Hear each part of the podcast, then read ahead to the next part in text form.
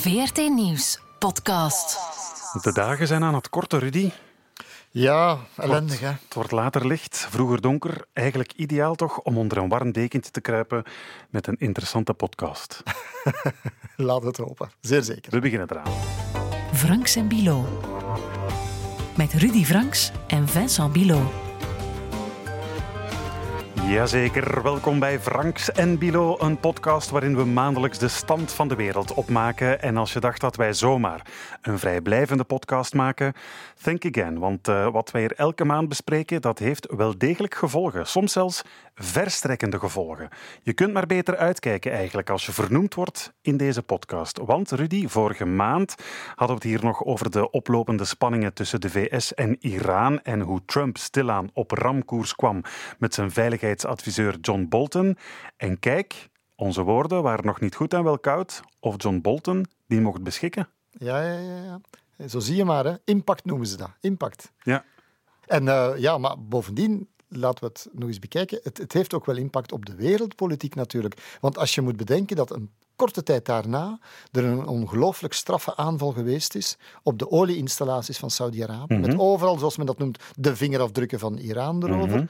Indien John Bolton nog aan de knoppen had gezeten, ik zou er niet bij willen zijn. Het was bagaar geweest. Absoluut. Een openlijk militair conflict wellicht. Ja, je, het zou misschien, de geschiedenis zou dan misschien weer een andere bocht genomen hebben. Mhm. Nu valt het nog af te wachten.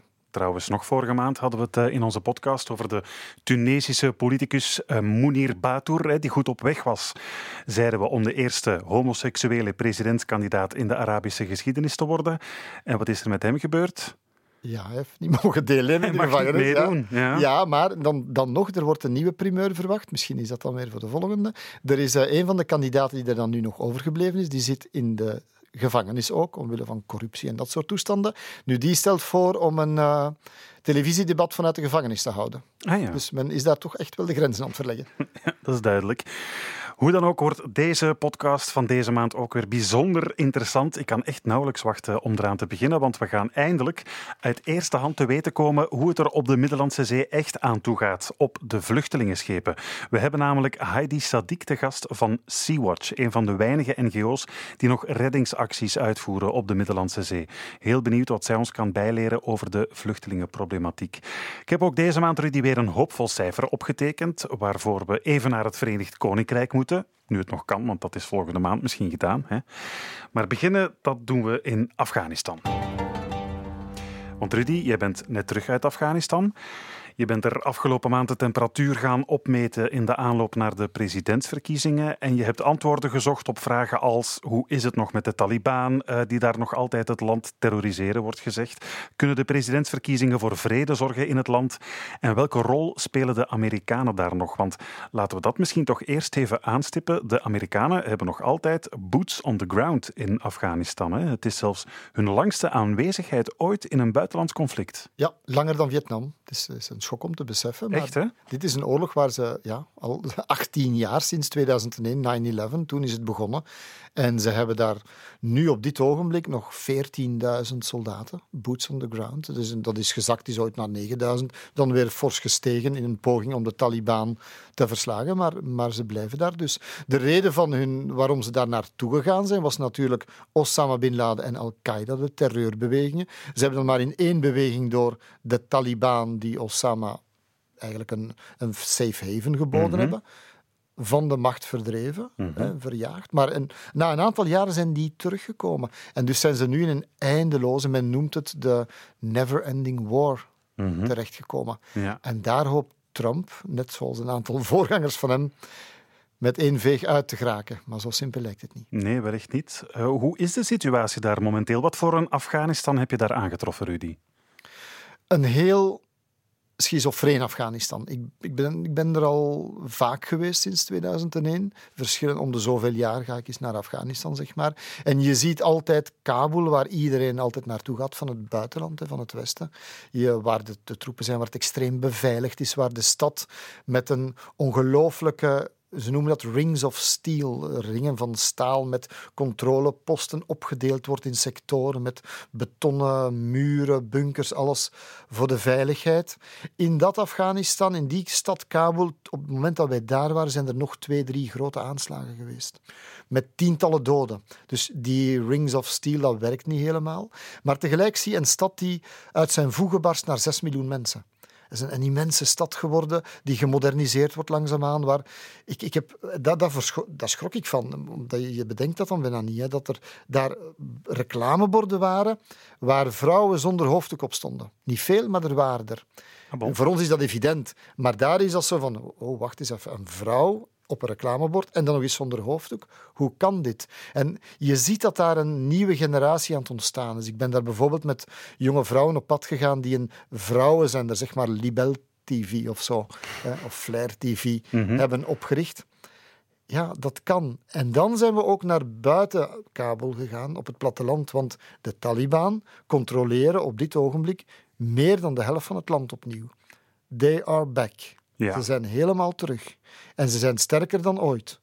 En in dat deel van het land, en dan moesten we eigenlijk, als je het ooit zou zien, we hebben zo een soort van salwar kamesh moeten aandoen. Dat is een soort van donkerbruine pyjama, zo, met een, een broek met een heel een laag kruis, zeg mhm, maar. En uh, een kandahaarpotsken op het hoofd. Ja, het waren mooie beelden. Moesten dan, moest dan zo'n beetje onopvallend zijn. Blend-in noemen ze dat dan.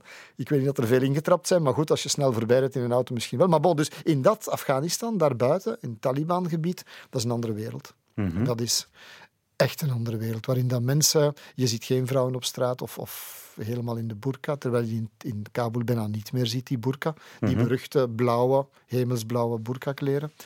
Ja, het is een heel andere wereld. Je, je, je ziet van hoe... Dat, vandaar schizofreen. Hoe kunnen die twee Afghanistans samen zijn? Ja. Ik las ook ergens, uh, als je een Afghaan bent, jonger dan 40, dan heb je nooit vrede gekend. Het is daar dus eigenlijk al ja, decennia lang oorlog en geweld. Hè? Ook voor de Amerikanen in 2000. Ja, ja heel kort uh, geschiedenisoverloop. De, de Russen zijn er binnen, de Sovjets, pardon, zijn er binnen, binnengevallen toen. Um, daar is een oorlog uit voortgekomen. Um, het verzet ertegen, de Mujahideen, gesteund door het Westen, CIA, Osama Bin Laden is mee gaan vechten. Dan is uh, de Russen zijn vertrokken, dan zijn ze onder elkaar beginnen vechten. Simpel gesteld. De Taliban hebben gewonnen, de radicalen hebben gewonnen tot 9-11. En dan is het Westen op het toneel verschenen. En worden wij weer meegesleept in diezelfde... Want het is een, een land van etnische tegenstellingen, van stammen, van uh, dezelfde religie weliswaar, allemaal moslims. Mhm. Maar de ene zijn Pashtun, de andere zijn... Dat zijn de, de Taliban, vooral Pashtun. De andere zijn Tajiken en, en je hebt Hazaras. En, och, het, het is een, een smeltkroes die op een of andere manier ontploft is en waar men niet meer de breuklijn hersteld krijgt. Het is een kluwe, maar dus wel met een officiële regering en een officiële president. En nu zijn er dus presidentsverkiezingen eh, in Afghanistan. Wie zijn eigenlijk de, de grootste kanshebbers? Een déjà vu. Always the same.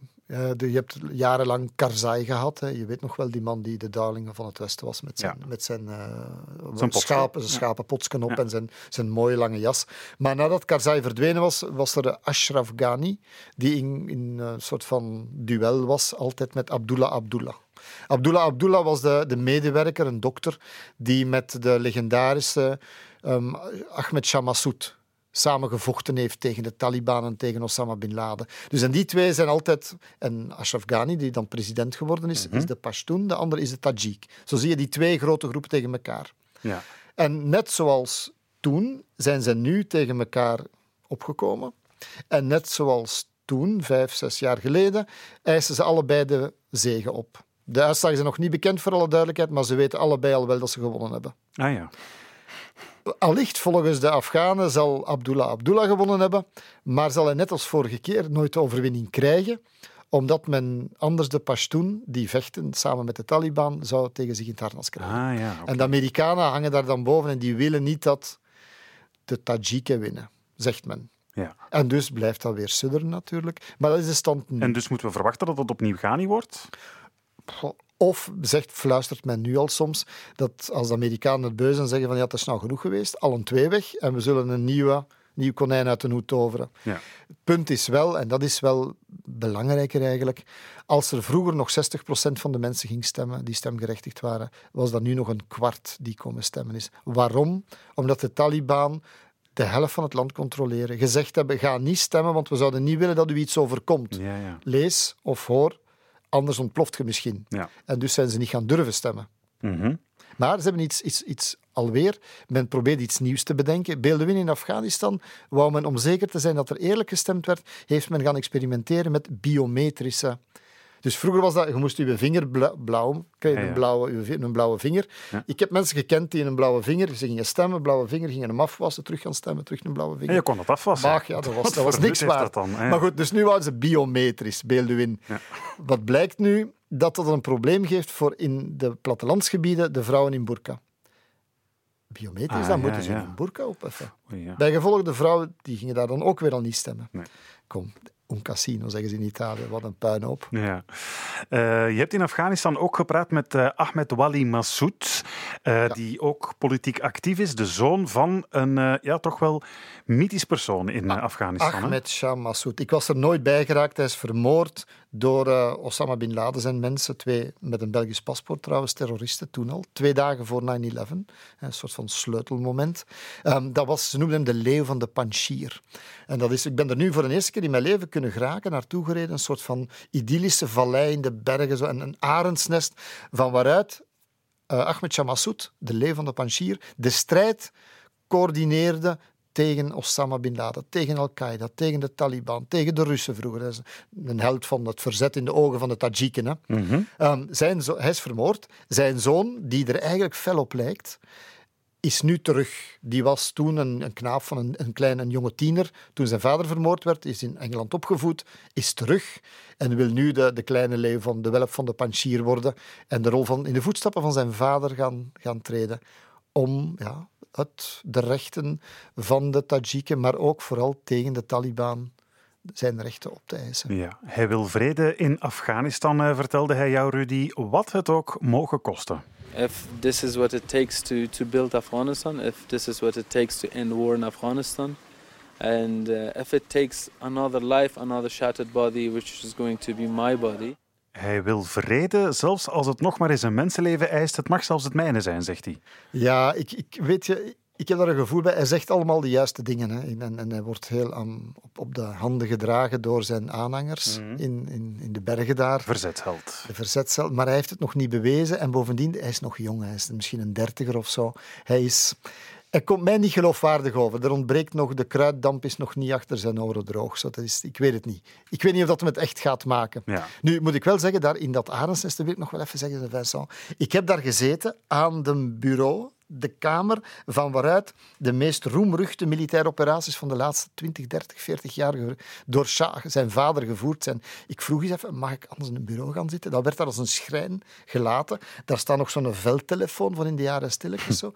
Allee, ik kon doen, zo was het dus. Met alles, de walkie-talkie, de radio, de, alles van Shah Ahmed Massoud, de leeuw van de Panjshir. Heel even voelde ik mij ook een klein leeuwtje. Even opperbevelhebber. Ja, Ja. ja, ja. Dat- Zo moet het toen geweest zijn. Maar voorlopig speelt zijn zoon nog niet echt een grote eh, politieke rol van betekenis. Maar ehm, vlak voor de eerste ronde van de verkiezingen, Rudy, bleek wel plots dat de Amerikaanse president Trump vredesgesprekken aan het voorbereiden was. Hè. Rechtstreeks met de Taliban nog wel. Hij was zelfs van plan om hen uit te nodigen in Camp David, het officiële buitenverblijf van de president, waar eh, ja, toch wel een aantal historische vredesverdragen zijn afgesloten. Nog nooit eerder wordt er gezegd, was een akkoord, een soort vrede in Afghanistan zo nabij. Zou dat kunnen kloppen? Ja, er zijn nog eens vroeger een paar keer onderhandelingen geweest, maar die waren, ja, dat was prematuur en, dat heeft niet, niet echt veel opgeleverd. Maar de Taliban zijn zo st- sterk geworden dat de Amerikanen beseften van ja, dit is een oorlog die we nooit gaan winnen echt, omdat dit een situatie is zoals ze is, de ellende die er is. Ehm, en de Taliban wilden dat de Amerikanen zich terugtrekken, de Amerikaanse soldaten, als ze daar 14.000 man nog hebben. Ehm, het akkoord, zoals het na maanden onderhandelingen in het geheim in Qatar is afgespeeld tussen een Amerikaanse toponderhandelaar, Khalil Zaid, en eh, een stuk of meer dan tien Taliban-commandanten, ehm, was van er gaan zich al 5000 Amerikanen terugtrekken op korte termijn. En binnen x aantal jaren, op, op anderhalf, twee jaar, zou de rest van de Amerikanen ook moeten vertrekken. Wat de Amerikanen in ruil wilden, en wat heel essentieel is, er mocht nooit meer een vrijhaven zijn voor Al-Qaeda, IS of andere extremisten. De Mhm. Taliban, eigenlijk zoals veel mensen in Kabul dat interpreteren, want die waren echt wel geschokt daardoor, de mensen, de gewone mensen daar. Dat de VS met de Taliban aan het praten En dat waren, ja. die zouden de Taliban zomaar laten terugkeren, wat wil zeggen vrouwenrechten, vergeet het. Mhm. Hè? Dat men zou terug het systeem van vroeger krijgen, waar zij dus over hun toekomst en hun lot niks te zeggen hebben gehad. En dat proefde toch wel erg bitter en zuur aan. Nu wel, op dat moment, plots zijn er veel aanslagen. De Taliban zeggen, ja, maar we hebben geen staakt het vuren. Wat vreemd is als je een, dicht bij een akkoord Ja. hebt. Geen staakt het vuren, maar ook de Amerikanen bleven bombarderen. Niet vergeten, vorig jaar hebben de Amerikanen de zwaarste bombardementen, de meeste bommen gegooid van heel die lange oorlog in Afghanistan. Ja, blijkbaar in 2018 meer dan in alle jaren er Ja, vooraf gaan. dus het was wel hevig. Ja, Ehm, met veel burgerdoden trouwens. Maar dus dat de Amerikanen, dan zei de Taliban, ja, maar er is geen staakt het vuren, dus wij blijven voort aanslagen plegen om druk uit te oefenen. Trump zegt dan in een tweet, bon, dan stopt het. Hè. ja. Plots En- op de brink, on the brink, op het moment dat het moest gaan getekend worden, zegt hij, we stoppen ermee. They're dead. They're dead. As far as I'm concerned, they're dead. They thought that they had to kill people in order to put themselves in a little better negotiating position. And you can't do that. You can't do that with me. So they're dead as far as I'm concerned. Hij had het dan over de onderhandelingen natuurlijk. De onderhandelingen zijn dood, zegt hij. Ja, dat is toch, ik denk dat iedereen ongelooflijk verbaasd was. Eerst dat ze zo dicht bij het einde stonden. Dat er in een geheime ontmoeting in Camp David ging zijn. Waar Trump dan waarschijnlijk als grote vredestichter. Ik heb de oorlog in Afghanistan beëindigd, kon gaan zeggen. Dat hij dat dan ook teniet doet. Met één opmerking, één tweet. Wa- waarom was zijn verklaring? Er was één Amerikaanse soldaat gedood bij die aanslagen. Eén. Er zijn er duizenden gedood de voorbije jaren. Het, mensen, die adviseurs in Amerika die de, de politiek volgen, die, die besnappen het niet. Misschien denken ze van, oké, over een x aantal weken, maanden zal het opnieuw op gang komen, want de basics blijft dezelfde. Hè? Een oorlog die je niet kan winnen. Mhm. En wat ga je eraan doen? Ja. Laten we nu toch maar eens hebben over die, eh, die Taliban. Hè. Rudy, je bent ook in Taliban-gebied geweest. Wie zijn dat nu echt, anno 2019, die Taliban? Dat is een hele moeilijke. De Taliban die worden zoals de baarlijke duivels. Ze hebben wel baarden natuurlijk, maar eh, werden hier zo afges- voorgesteld als de baarlijke duivels. Die waren heel radicale, oerconservatieve moslims, ontstaan uit de Koranschool, die eigenlijk in de jaren 90, waar die studenten gingen vechten met Mullah Omar tegen de corrupte krijgsheren. Een soort van nationalistische, zwaar islamitische verzetsbeweging. Maar het is ontspoord. En dat is het nog altijd in wezen, als ik dat zie wat het nu betekent. Ze hebben zo'n beetje een mooiere. Ah, ze presenteren zich aardiger naar buiten, alsof ze een beetje gematigder geworden zijn. Maar als je ziet op het platteland, dat is nog altijd keihard, oerconservatief. Ja, de bergmentaliteit van, van een, ja, een soort van islam die in de steden angst inboezemt. Vrouwenrechten, mogen meisjes nog naar school gaan? Al dat soort dingen ligt in de weegschaal natuurlijk. Hè. Ja, want er wordt gezegd dat de Taliban de sharia willen invoeren, dat ze niet willen weten van vrouwenrechten, maar ja, zelf ontkennen ze dat. We are committed to all women's right in the light of Islamic uh, rules. And people of Afghanistan, they are 100% Muslim people. And that commitment comes uh, their right to education and their right to work. Mag ik zo eerlijk zijn om te denken, wat ik vind is, ik geloof ze niet. Mhm. Omdat je de Taliban, je hebt een aantal meer gematigde onderhandelaars, die worden naar voren geschoven als woordvoerder. Je hebt radicale commandanten, dus je hebt tientallen groeperingen op het platteland die doen wat ze willen. Ik heb beelden gezien die mij bezorgd zijn, door vrouwen onder meer, die clandestien gefilmd zijn op dat platteland onder controle van de Taliban, waarbij ik vrouwen heb zien stenigen. En dat is een gruwelijk beeld, geloof mij. Waarbij vrouwen in burka stokslagen krijgen. En Ik heb- waarom? Wegens, ofwel, het stenigen dat is dan overspel of zo. Ehm, stokslagen dat is misdragen van die vrouw. Bij Taliban kan het al zijn als je je nagels lakt, als je zingt waarschijnlijk. Whatever dingen doen die niet horen, niet gepast zijn. Misschien je enkels te veel laat zien, I don't know. Dus al dat soort dingen kan gebeuren. Vrouwen die stokslagen krijgen. Ehm, dan heb ik gepraat met een van de. En het is de derde keer dat ik die zie. Dat was, die heeft in Guantanamo vastgezeten als Taliban, woordvoerder, leider onder eh, de oorlog tegen de Amerikanen, is vrijgekomen en gedroeg zich daarna redelijk gematigd. Is een soort van brugfiguur geweest die moest de gesprekken warm houden met Amerikanen. Dus een heel belangrijke man. Mullah Zaev, ik ben die gaan terug opzoeken. Nu zat hij in een Koranschool in een gebied buiten Kabul, waar eigenlijk het heel gevaarlijk was, waar veel zelfmoordterroristen vandaan kwamen. Ik besefte dat pas toen we daar waren, want men had me dat niet verteld op voorhand. Die had daar een Koranschool met een zeshonderdtal leerlingen. Ik dacht van, hoe is dat mogelijk? Een radicale Koranschool, dicht bij Kabul, waar men wie controleert dat, wie betaalt dat? De Saoedi's betalen dat, is met de salafist, zwaar salafistische ideologie. En ik praatte met die man en ik zei hem dat over die stokslagen. Ja, en ook over de steniging. Mhm. En hij zei, ja, maar soms moet je één vrouw stenigen om het respect voor de andere te kunnen opwekken. Ik had dan dacht ik van nee. Toen ik daar wegging, dacht ik van oké, als dit de gematigde stem was, die ik tien jaar geleden al gesproken heb, toen, toen zag ik het even niet meer zitten. Ja, elke uitleg die begint met ja maar, daar moet je al mee opletten. Maar uh, ja, dit, dit zegt wellicht toch... Vrouwen slaan voor hun eigen goed, zo heet dat dan in sommige... Ja, ja, dat vond ik heel, heel bizar. Maar goed, ja, er, er moet een oplossing aan die oorlog komen. We kunnen dat niet winnen. Ja. Uh, Fauza Kofi, zeg ik dat juist? Fauza Kofi? Ja. Ja. Vrouwenrechtenactiviste um, werd gevraagd of zij de toekomst voor Afghaanse vrouwen somber inziet. En uh, dit was haar antwoord. Are you afraid for the future of women in Afghanistan? No. Because I believe women of Afghanistan have become strong enough. But in the meantime, I know that if the international community kind of abandon Afghanistan, once again Afghanistan becomes a safe haven for international terrorism, so not only women but also men will be at risk. All the citizens. Ja, ik, ik geloof daar ook aan de andere kant. Ik heb geen vertrouwen in de Taliban.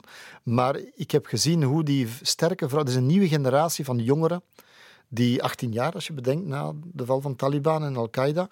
18, er zijn dus eigenlijk nieuwe generaties jongeren gekomen die zich niet kunnen inbeelden dat het ooit was zoals toen. En die daar nooit naar terug willen gaan. Ik heb er zoveel horen zeggen van... Als ze terugkomen, net zoals vroeger, dan nu ga ik vechten. Dan pak ik mijn geweer op. Ik, ik denk dat we nog aan alles niet gezien hebben wat er zich dan zou afspelen in Kabul. Men zal heel voorzichtig moeten manoeuvreren dan. Hmm. En die vrouwen die zeggen van wij gaan dit nooit meer tolereren. Nog even Mulazaev citeren. Die zegt ja, maar dat zijn allemaal vrouwen en jongeren die gesubsidieerd worden door het Westen. Die zitten op het eerste vliegtuig naar, naar Dubai en naar, eh, en naar Londen, zegt hij. Ja. We'll see. De Amerikanen gaan zich stilaan beginnen terugtrekken. Hè. Er zouden er een vijfduizendtal van die troepen uh, de komende maanden uh, weggetrokken worden uit Afghanistan. Nu presidentsverkiezingen. Kunnen we verwachten dat het toch binnenkort misschien de goede kant op gaat? Dat er een soort ja, zelfrelu zelfregulerend bestuur in Afghanistan komt? Dat zal alleen maar werken indien er een, onderhandelingen zijn met de Afghaanse verkozenen zelf, of de Afghaanse civil society zelf. Maar de Taliban die zeggen dat ze alleen maar met de puppet master, de Amerikanen, willen praten en niet met de puppets, de, de Afghaanse politici. God ja, Trump, het, wat hier telt is eigenlijk Trump die wil een pluim op zijn hoed steken tegen de volgende presidentsverkiezingen volgend jaar. Die, die wil kunnen zeggen, kijk, ik heb de oorlog in Afghanistan beëindigd. Wat overigens nog niet zal zijn. Uiteraard niet. En misschien kan hij weer de zoveelste rare sprong maken of een onverwachte wending geven. Maar ik vind dat je in een conflict altijd moet naar de basics kijken. Gaat er een oplossing komen? Gaat er vrede komen? Wat zijn de krachtsverhoudingen? Wie kan daar iets aan doen? En uiteindelijk zal het beslecht worden, het conflict, en uitgevochten worden in Afghanistan zelf, door de Afghanen. Oké. We gaan dat verder opvolgen. In ieder geval, jij gaat dat doen, want jij gaat eigenlijk met de regelmaat van de klok naar Afghanistan. Hè. En we hebben uh, de vrouwenrechten al uh, even aangeraakt. Dat brengt ons eigenlijk als vanzelf bij het cijfer van de maand. Een getal apart. Want elke maand neem ik hier een getal apart dat ons de dingen even van een andere kant doet bekijken. En deze maand is dat getal 8. Want zoveel centra gaan ze in Groot-Brittannië openen voor vrouwen die medische klachten hebben door hun besnijdenis. Die centra die komen er omdat heel wat slachtoffers van vrouwenbesnijdenis onder de radar blijven tot ze zwanger worden heel vaak. Het is vaak pas in de gynaecologenstoel dat bij besneden vrouwen de medische klachten aan de oppervlakte komen of er nog maar gewoon ter sprake komen. Uh, heel wat besneden vrouwen kunnen trouwens ook niet op een natuurlijke manier bevallen. De NHS, dat is eh, de National Health eh, Service in Engeland, die belooft nu dat in die acht nieuwe centra zo'n 1300 volwassen vrouwen behandeld zullen kunnen worden.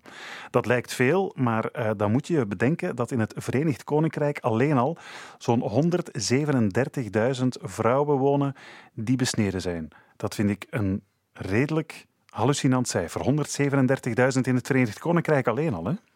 Ik sta paf, echt waar. Ik bedoel, het feit dat je daar acht ziekenhuizen moet voor gaan, of centra moet voor gaan oprichten, dat wil zeggen dat het een immens probleem is. Mhm. En zijn dat dan allemaal meisjes, vrouwen die ja, geïmmigreerd zijn? Want Engeland is een heel diverse samenleving geworden van, uit, uit Afrika en Azië. Mhm.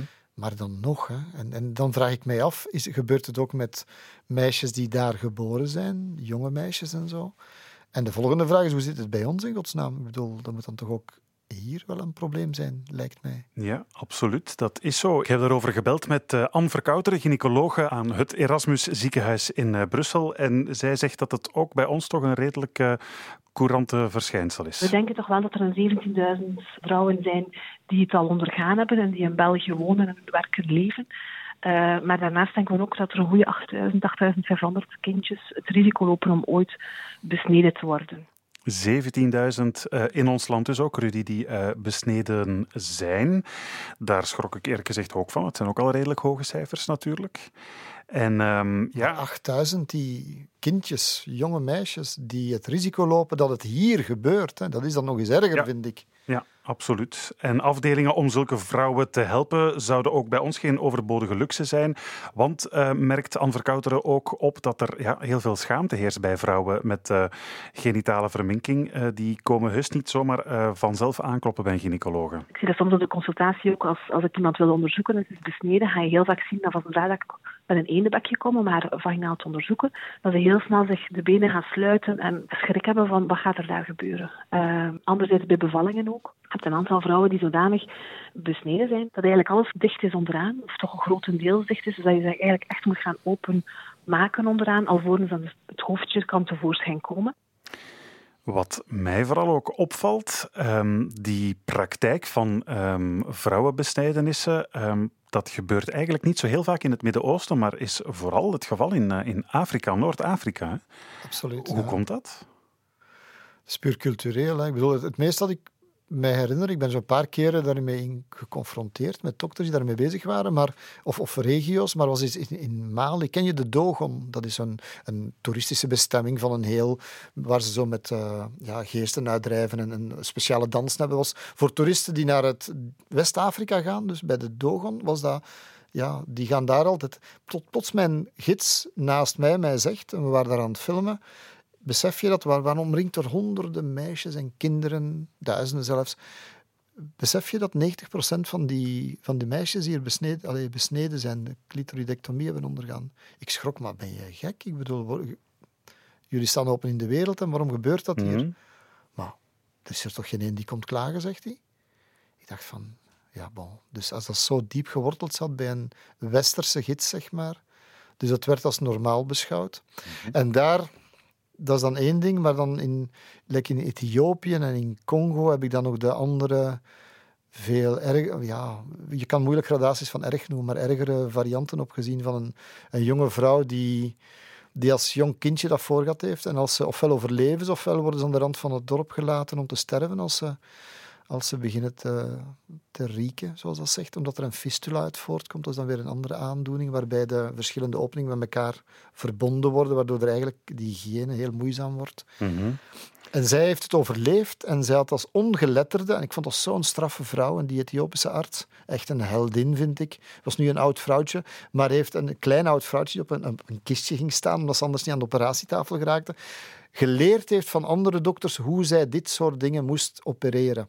En ze heeft er duizenden gedaan in heel haar bestaan. En ze kan nog altijd waarschijnlijk met moeite lezen en schrijven, maar ze kan wel als topspecialist die vrouwen behandelen en helpen. Zo straffe mensen. Mm en nu komen er dus in uh, Groot-Brittannië acht centra om zulke vrouwen te helpen. Want er kan inderdaad wel vaak iets aan gedaan worden. Ook aan de vele uh, medische problemen die vrouwen uh, die besneden zijn vaak ondervinden. En er zijn heel veel soorten besnijdenis. Maar um, om je een idee te geven, in een BBC-documentaire over genitale verminking legt een Britse vrouw uit hoe eigenlijk ja, elke manier van genitale verminking echt wel een ongelooflijk trauma is. That morning was about being held down and your genitals literally ripped apart. You saw the cutter every time she brought her hands up. The blood was everywhere. She just kept on cutting, just kept on cutting as if it was normal for her to hear screams. It was the most cruelest thing for a child to experience, and in my opinion, it is. It's not only that day, it stays with you for life. It's a life sentence. Je krijgt eigenlijk een soort levenslange straf. Misdadig, hè? Deze Britse vrouw, absoluut. Ja. En je hebt dus in, eh, in Ethiopië gepraat, onder meer ook met een, eh, met een dokter die, die uitlegt wat ja, de gevolgen ook kunnen zijn op langere termijn van zo'n uh, besnijdenis. En uh, ze vertelde onder meer over een, uh, ja, een meisje dat amper nog 24 kilo woog. One little girl, she weighed when she came to us 24 kilos and she was curled up. Her knees were under her chin. She'd been lying curled up on the floor for six years. And they get contractures of the legs, disuse, atrophy, and stiff joints. And we've got a big physiotherapy department where they have to get physiotherapy before we can operate on them. Het is inderdaad vreselijk wat uh, vrouwen na genitale verminking allemaal uh, moeten doorstaan. En waarom, Vincent? Waarom doen ze dat in godsnaam? Ja. Is dat puur traditie? Ja. Wat is het? Het heeft niks met, met religie op zich heeft het niet te maken. Het is gewoon een soort van... Ja, een manier om de vrouw onderdanig te maken. Zeker om bijvoorbeeld al te beginnen met het uh, ontnemen van seksuele lust. Allicht wel, ja. Ja, toch vind het waanzin. Maar goed dus dat Britse vrouwen voortaan beter behandeld kunnen worden voor de gevolgen van uh, genitale verminking. En van Groot-Brittannië trekken we nu naar de Middellandse Zee. Franks en Bilo. De migratiecrisis op de Middellandse Zee is misschien wel over zijn toppunt heen. Het aantal overstekers ligt op het laagste punt sinds 2015. Maar de overtocht is wel zes keer dodelijker geworden.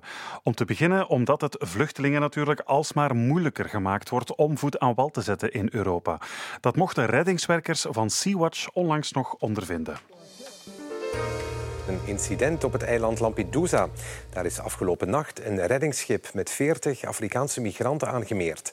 Dat mag niet van de Italiaanse overheid. De kapitein van het schip, een Duitse vrouw van 31, is daarom meteen opgepakt. Ze kan voor jaren in de cel belanden.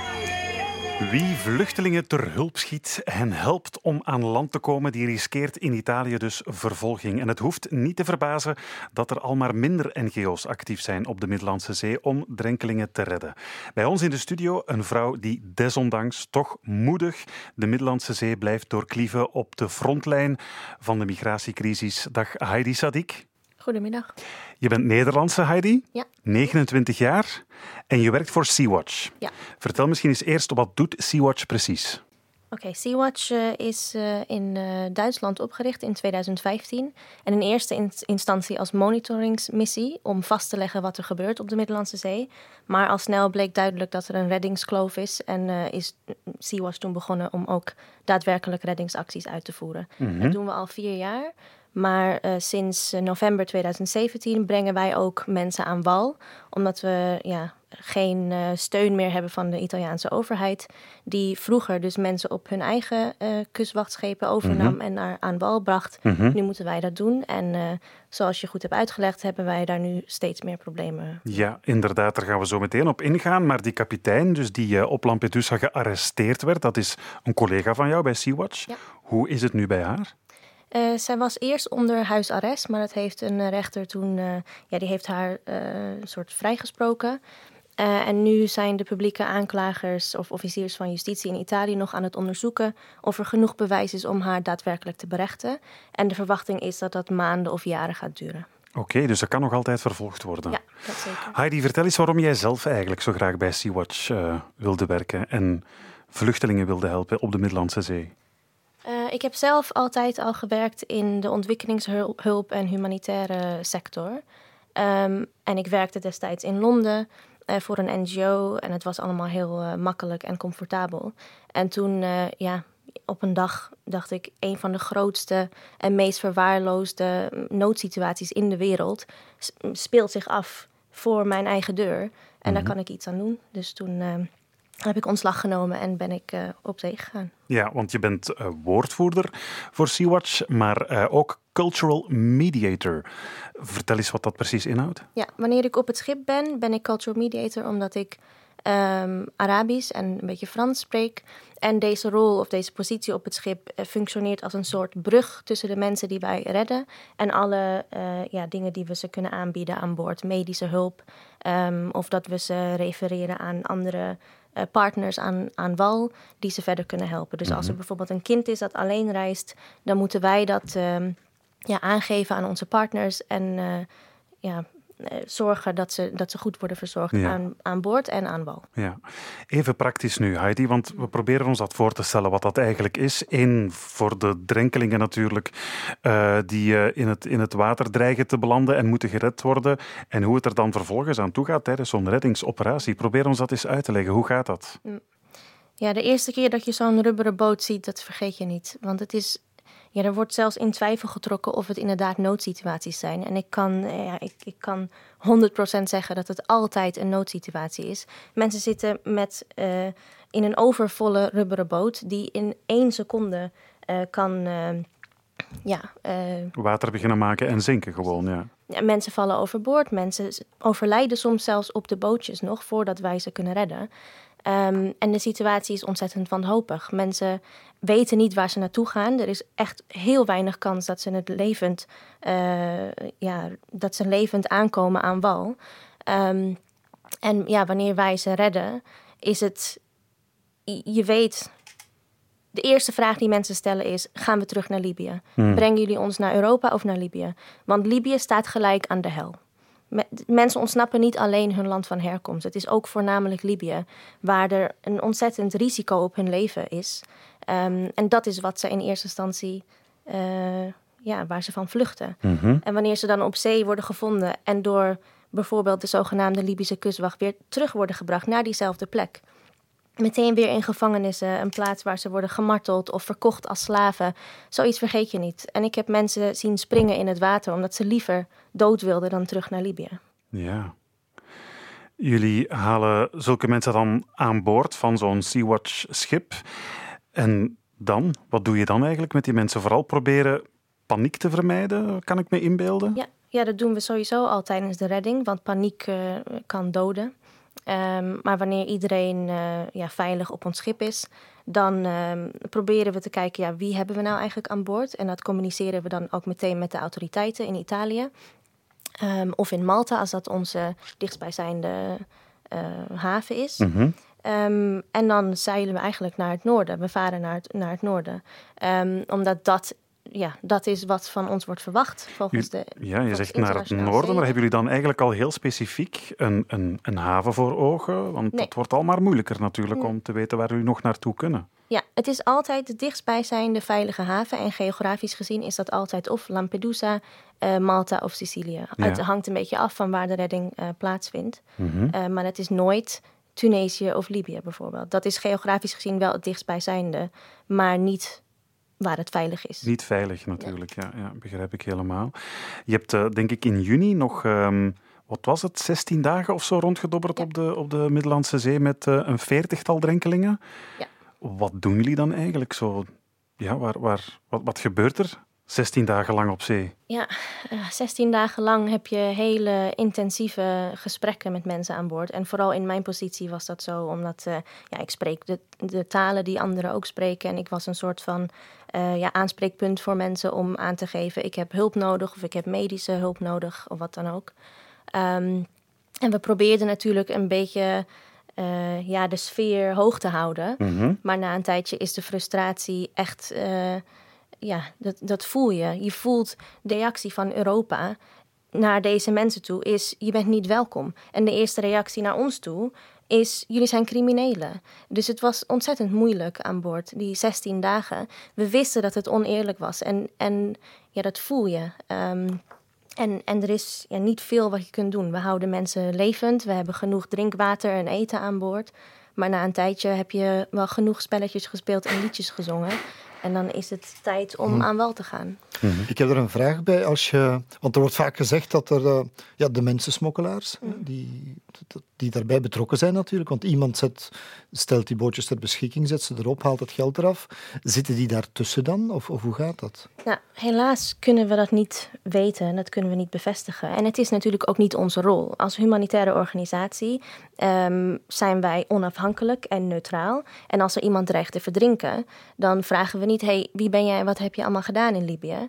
Ehm, maar ja, de, de meeste mensen die ik heb ontmoet, ehm, hebben mij in detail, in gruwelijk detail verteld hoe zij zijn mishandeld in, in Libië. En ja, het kan ook zijn dat er mensen aan boord zijn die wellicht eh, daar iets mee te maken hebben gehad. Maar dat, dat is niet aan ons, dat is aan de politie. Maar als ze hun verhaal vertellen, gaat het er dan zo aan toe? Want ik ben in die steden in Libië geweest, de kuststeden, waar ze vertrekken. Hè. Ehm, worden ze dan gewoon op die schepen... Want ik heb van die oude wrakken zien liggen, die daar trouwens aangespoeld zijn. Worden die dan op die schepen gezet en gewoon met te weinig brandstof en water weggestuurd? Ja. En dan moeten ze zelf maar navigeren en zien waar ze uitkomen, zo vaagweg de juiste richting? Ja, en Wachtend op dat er iemand hen komt oppikken. Ja, of niet. Want heel veel mensen worden beloofd dat ze worden gered en die verdrinken alsnog. Dus het is een, een eh, lege belofte. Dat, eh, dat- dat- het is niet gegarandeerd dat zelfs wanneer mensen weten dat Sea-Watch vaart bijvoorbeeld, dat wij ze dan ook vinden. Want wij weten niet dat zij komen. Wij zijn daar, net als elke andere Nee, humanitaire... want dat is een probleem natuurlijk. Men heeft verwijten gestuurd dat Mhm. jullie in communicatie zouden staan of met de mensensmokkelaars, zodoende dat er een soort van coördinatie was. Nou, als ik dit zo mag zeggen, ik vind het een belachelijke. Ja. eh, om die link te leggen, of om ons te vergelijken met mensen die hele kwetsbare mensen uitbuiten. En dat is bewezen en dat is ontzettend duidelijk. Wij zijn de enigen die nu eh, nog opereren in de Middellandse Zee op een manier die de wet respecteert en die de rechten van deze mensen eh, probeert te handhaven. Hun recht om levend gevonden te worden. Maar je bent wel op de hoogte van de verwijten. Ja, natuurlijk. Ja. Ja. maar er is geen correlatie tussen, ehm, tussen onze aanwezigheid en dat smokkelaars alsnog boten lanceren vanuit Libië. Dat, dat doet er niet toe. Mensen blijven komen. En het enige verschil, wanneer wij er niet zijn, is dat mensen een grotere kans hebben om te overlijden dan, eh, dan ergens veilig aan te komen. Maar door die, dat etiket dat jullie dan door sommigen opgeplakt krijgen, ik denk aan in Italië en, en Salvini bijvoorbeeld, worden de wetten wel strenger, wordt het wel steeds moeilijker. Ja. Ja, en ik vind dat mensen dat zich moeten voorstellen als een soort lastercampagne. Want wat mensen niet horen, is dat een dag nadat wij in Lampedusa aankwamen, een Italiaans kustwachtschip ook gewoon mensen aan wal heeft gebracht. En dat wordt niet gezien als illegale mensensmokkel of illegale migratie. Dat is de wet en zo hoort het. En twee jaar geleden, in 2017, toen ik op zee was, namen NGO's ongeveer een derde van alle reddingsacties op zich.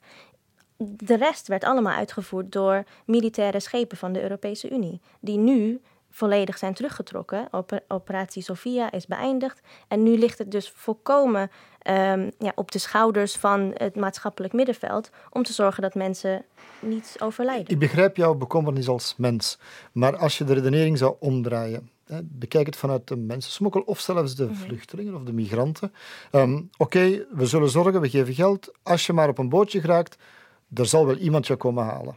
Of een NGO, eh, Sea-Watch, of, of de, de militaire schepen vroeger. Het gaf een soort van kanaal voor illegale migratie dat op een of andere manier niet te stuiten viel of leek. Wat moet je daaraan doen dan? nou, veilige en legale manieren vinden voor mensen om, om naar Europa te komen en asiel aan te vragen. En dat is dus niet de verwijting is niet aan NGO's, die als laatste wanhopige daad nog proberen te, te kijken of er mensen levend gevonden worden, kunnen worden, maar om het beleid te veranderen. Als mensen een andere, een alternatief hebben om aan Europa, bij Europa aan te komen kloppen en zeggen: Ik zoek veiligheid voor mij en mijn gezin, ik, ik vraag asiel aan, dat is een recht voor elk mens op deze wereld. Maar er is geen andere optie. Mag ik even? En de meeste mensen gaan als. Ik, ik begrijp wel mensen die asiel zouden kunnen aanvragen die uit een oorlogsgebied komen.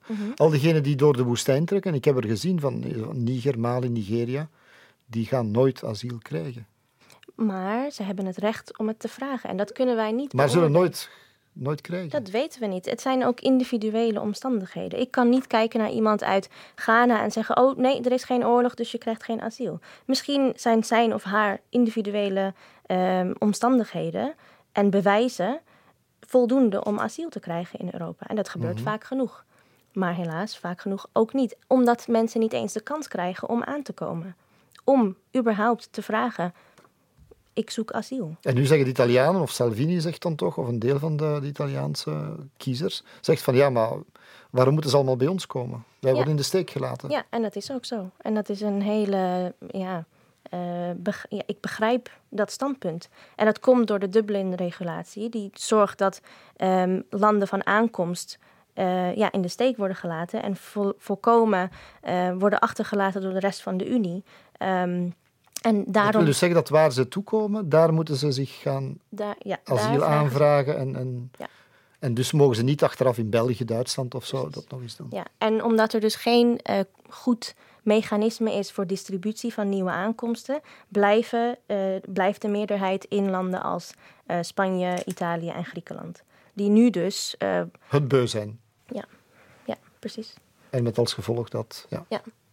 En met als gevolg dat dus niet de Europese Unie en het beleid wordt herzien, maar dat de externe grens van Europa steeds ja, verder, verder wordt eh, weggeduwd. Ik wil eens een, een ballonnetje in de lucht gooien. Toen ik in, eh, in het Zawiya was, het, denk ik, in eh, Libië, waar er veel van die schepen vertrekken in die buurt, de, aan de kust.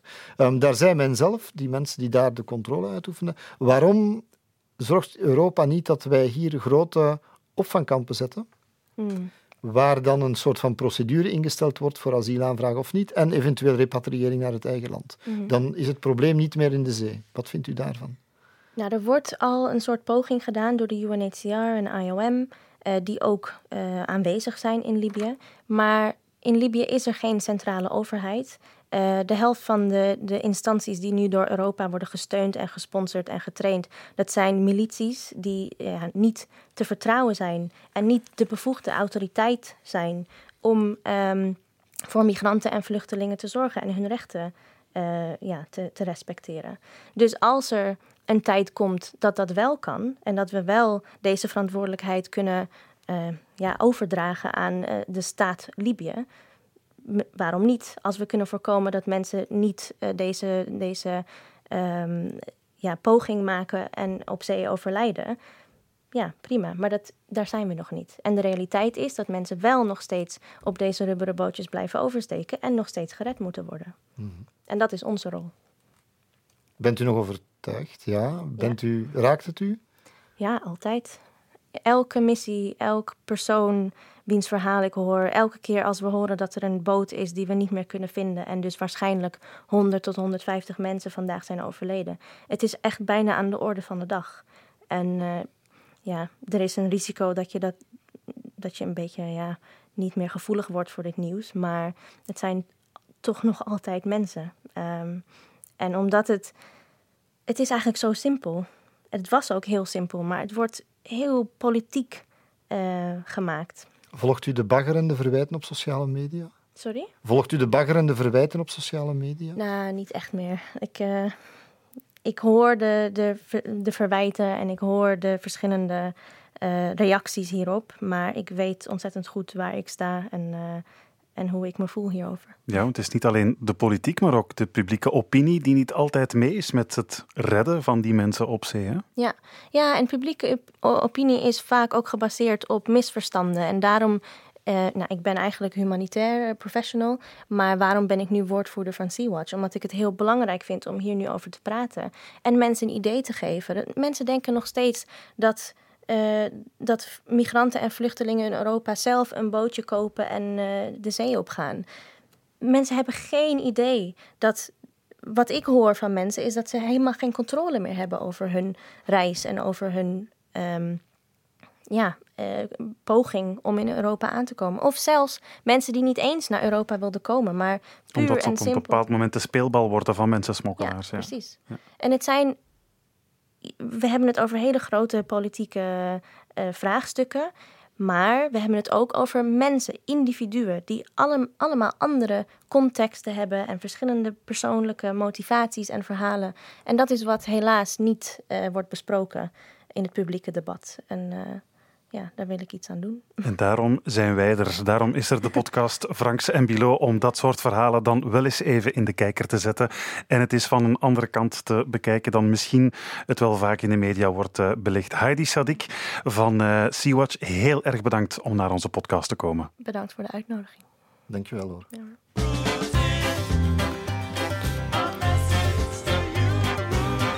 Een boodschap overbrengen aan Rudy of hem zelfs een persoonlijke vraag stellen. Het kan u ook via ons vereenvoudigde mailadres vb.vrt.be. Hoe makkelijk kan het zijn? vb.vrt.be. Ook Nathalie Dumes, of Dumé, ik weet niet hoe het je uh, precies uitspreekt, die heeft haar weg gevonden naar onze mailbox Rudy en ze heeft a message to you, Rudy.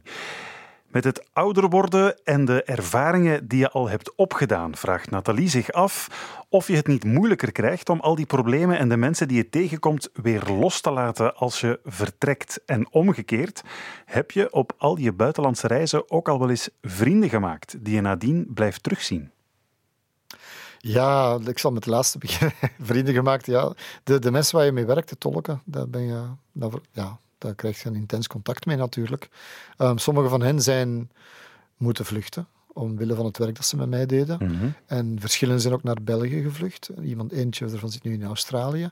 Maar dat zijn vrienden geworden. Toch wel, dat mag ik wel zeggen. Omdat je kent, je, je maakt ongelooflijke dingen mee samen. Je zit er heel intens mee, vaak jaar na jaar dat je ermee werkt. En dat worden, ja, dat worden vrienden. Maar het is echt dan vooral die tolken die dat waar je een band mee opbouwt. De meeste mensen die je tegenkomt, je registreert hun verhaal, je voelt daarmee mee, maar die moet je weer loslaten. Hè? Die moet je weer achterlaten. Dat, dat ligt dat toch wel iets of wat anders. En emotioneler, god, ik denk vooral, je hebt twee kanten. Ofwel worden cynisch en afstandelijk. En ik denk dat bij mij, en dat moet je ook stoppen, vind ik. Maar ik ben eigenlijk, ik noem mezelf tegenwoordig, oneerbiedig, een emotionelere oude naap.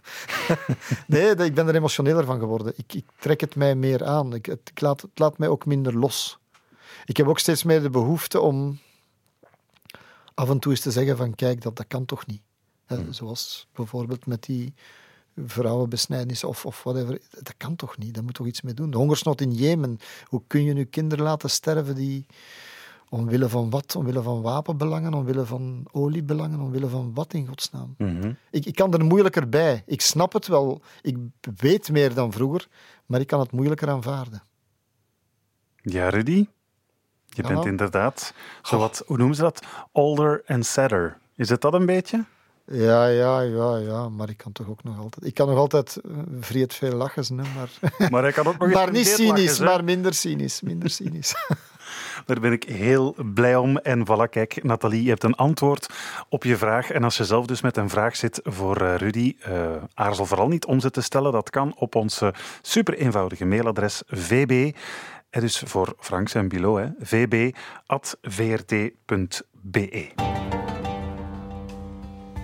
Als je je nog niet aangesloten hebt bij onze Facebookgroep Franks en Bilo, dan wordt het verdorie hoog tijd om dat te doen. We zitten er zelf ook op en we lezen alles mee. Je kan er jouw mening kwijt over onze show, je kan er meepraten over de actualiteit en je kunt zelfs onderwerpen voor onze podcast aandragen. En vind je onze show goed? Geef ons dan ook een review in je podcast-app. Dat helpt ook de andere luisteraars om Franks en Bilo te ontdekken. En heb je vragen, opmerkingen of verbeteringen, dan kan je dat dus altijd mailen naar vb.vrt.be of Twitter at Vincent Bilot of at Rudy Franks. Dan rest ons alleen nog maar om een woordje van dank voor de research. Astrid Goossens heeft het item over vrouwenbesnijdenis voorbereid. En Jan Vleugels over Afghanistan. Bedankt ook aan Heidi Sadik om naar onze podcast te komen. En de eindredactie, as usual, Vincent Merks. Wij waren Franks en Bilo en jullie hopelijk zeer tevreden luisteraars. Tot volgende maand. Salut.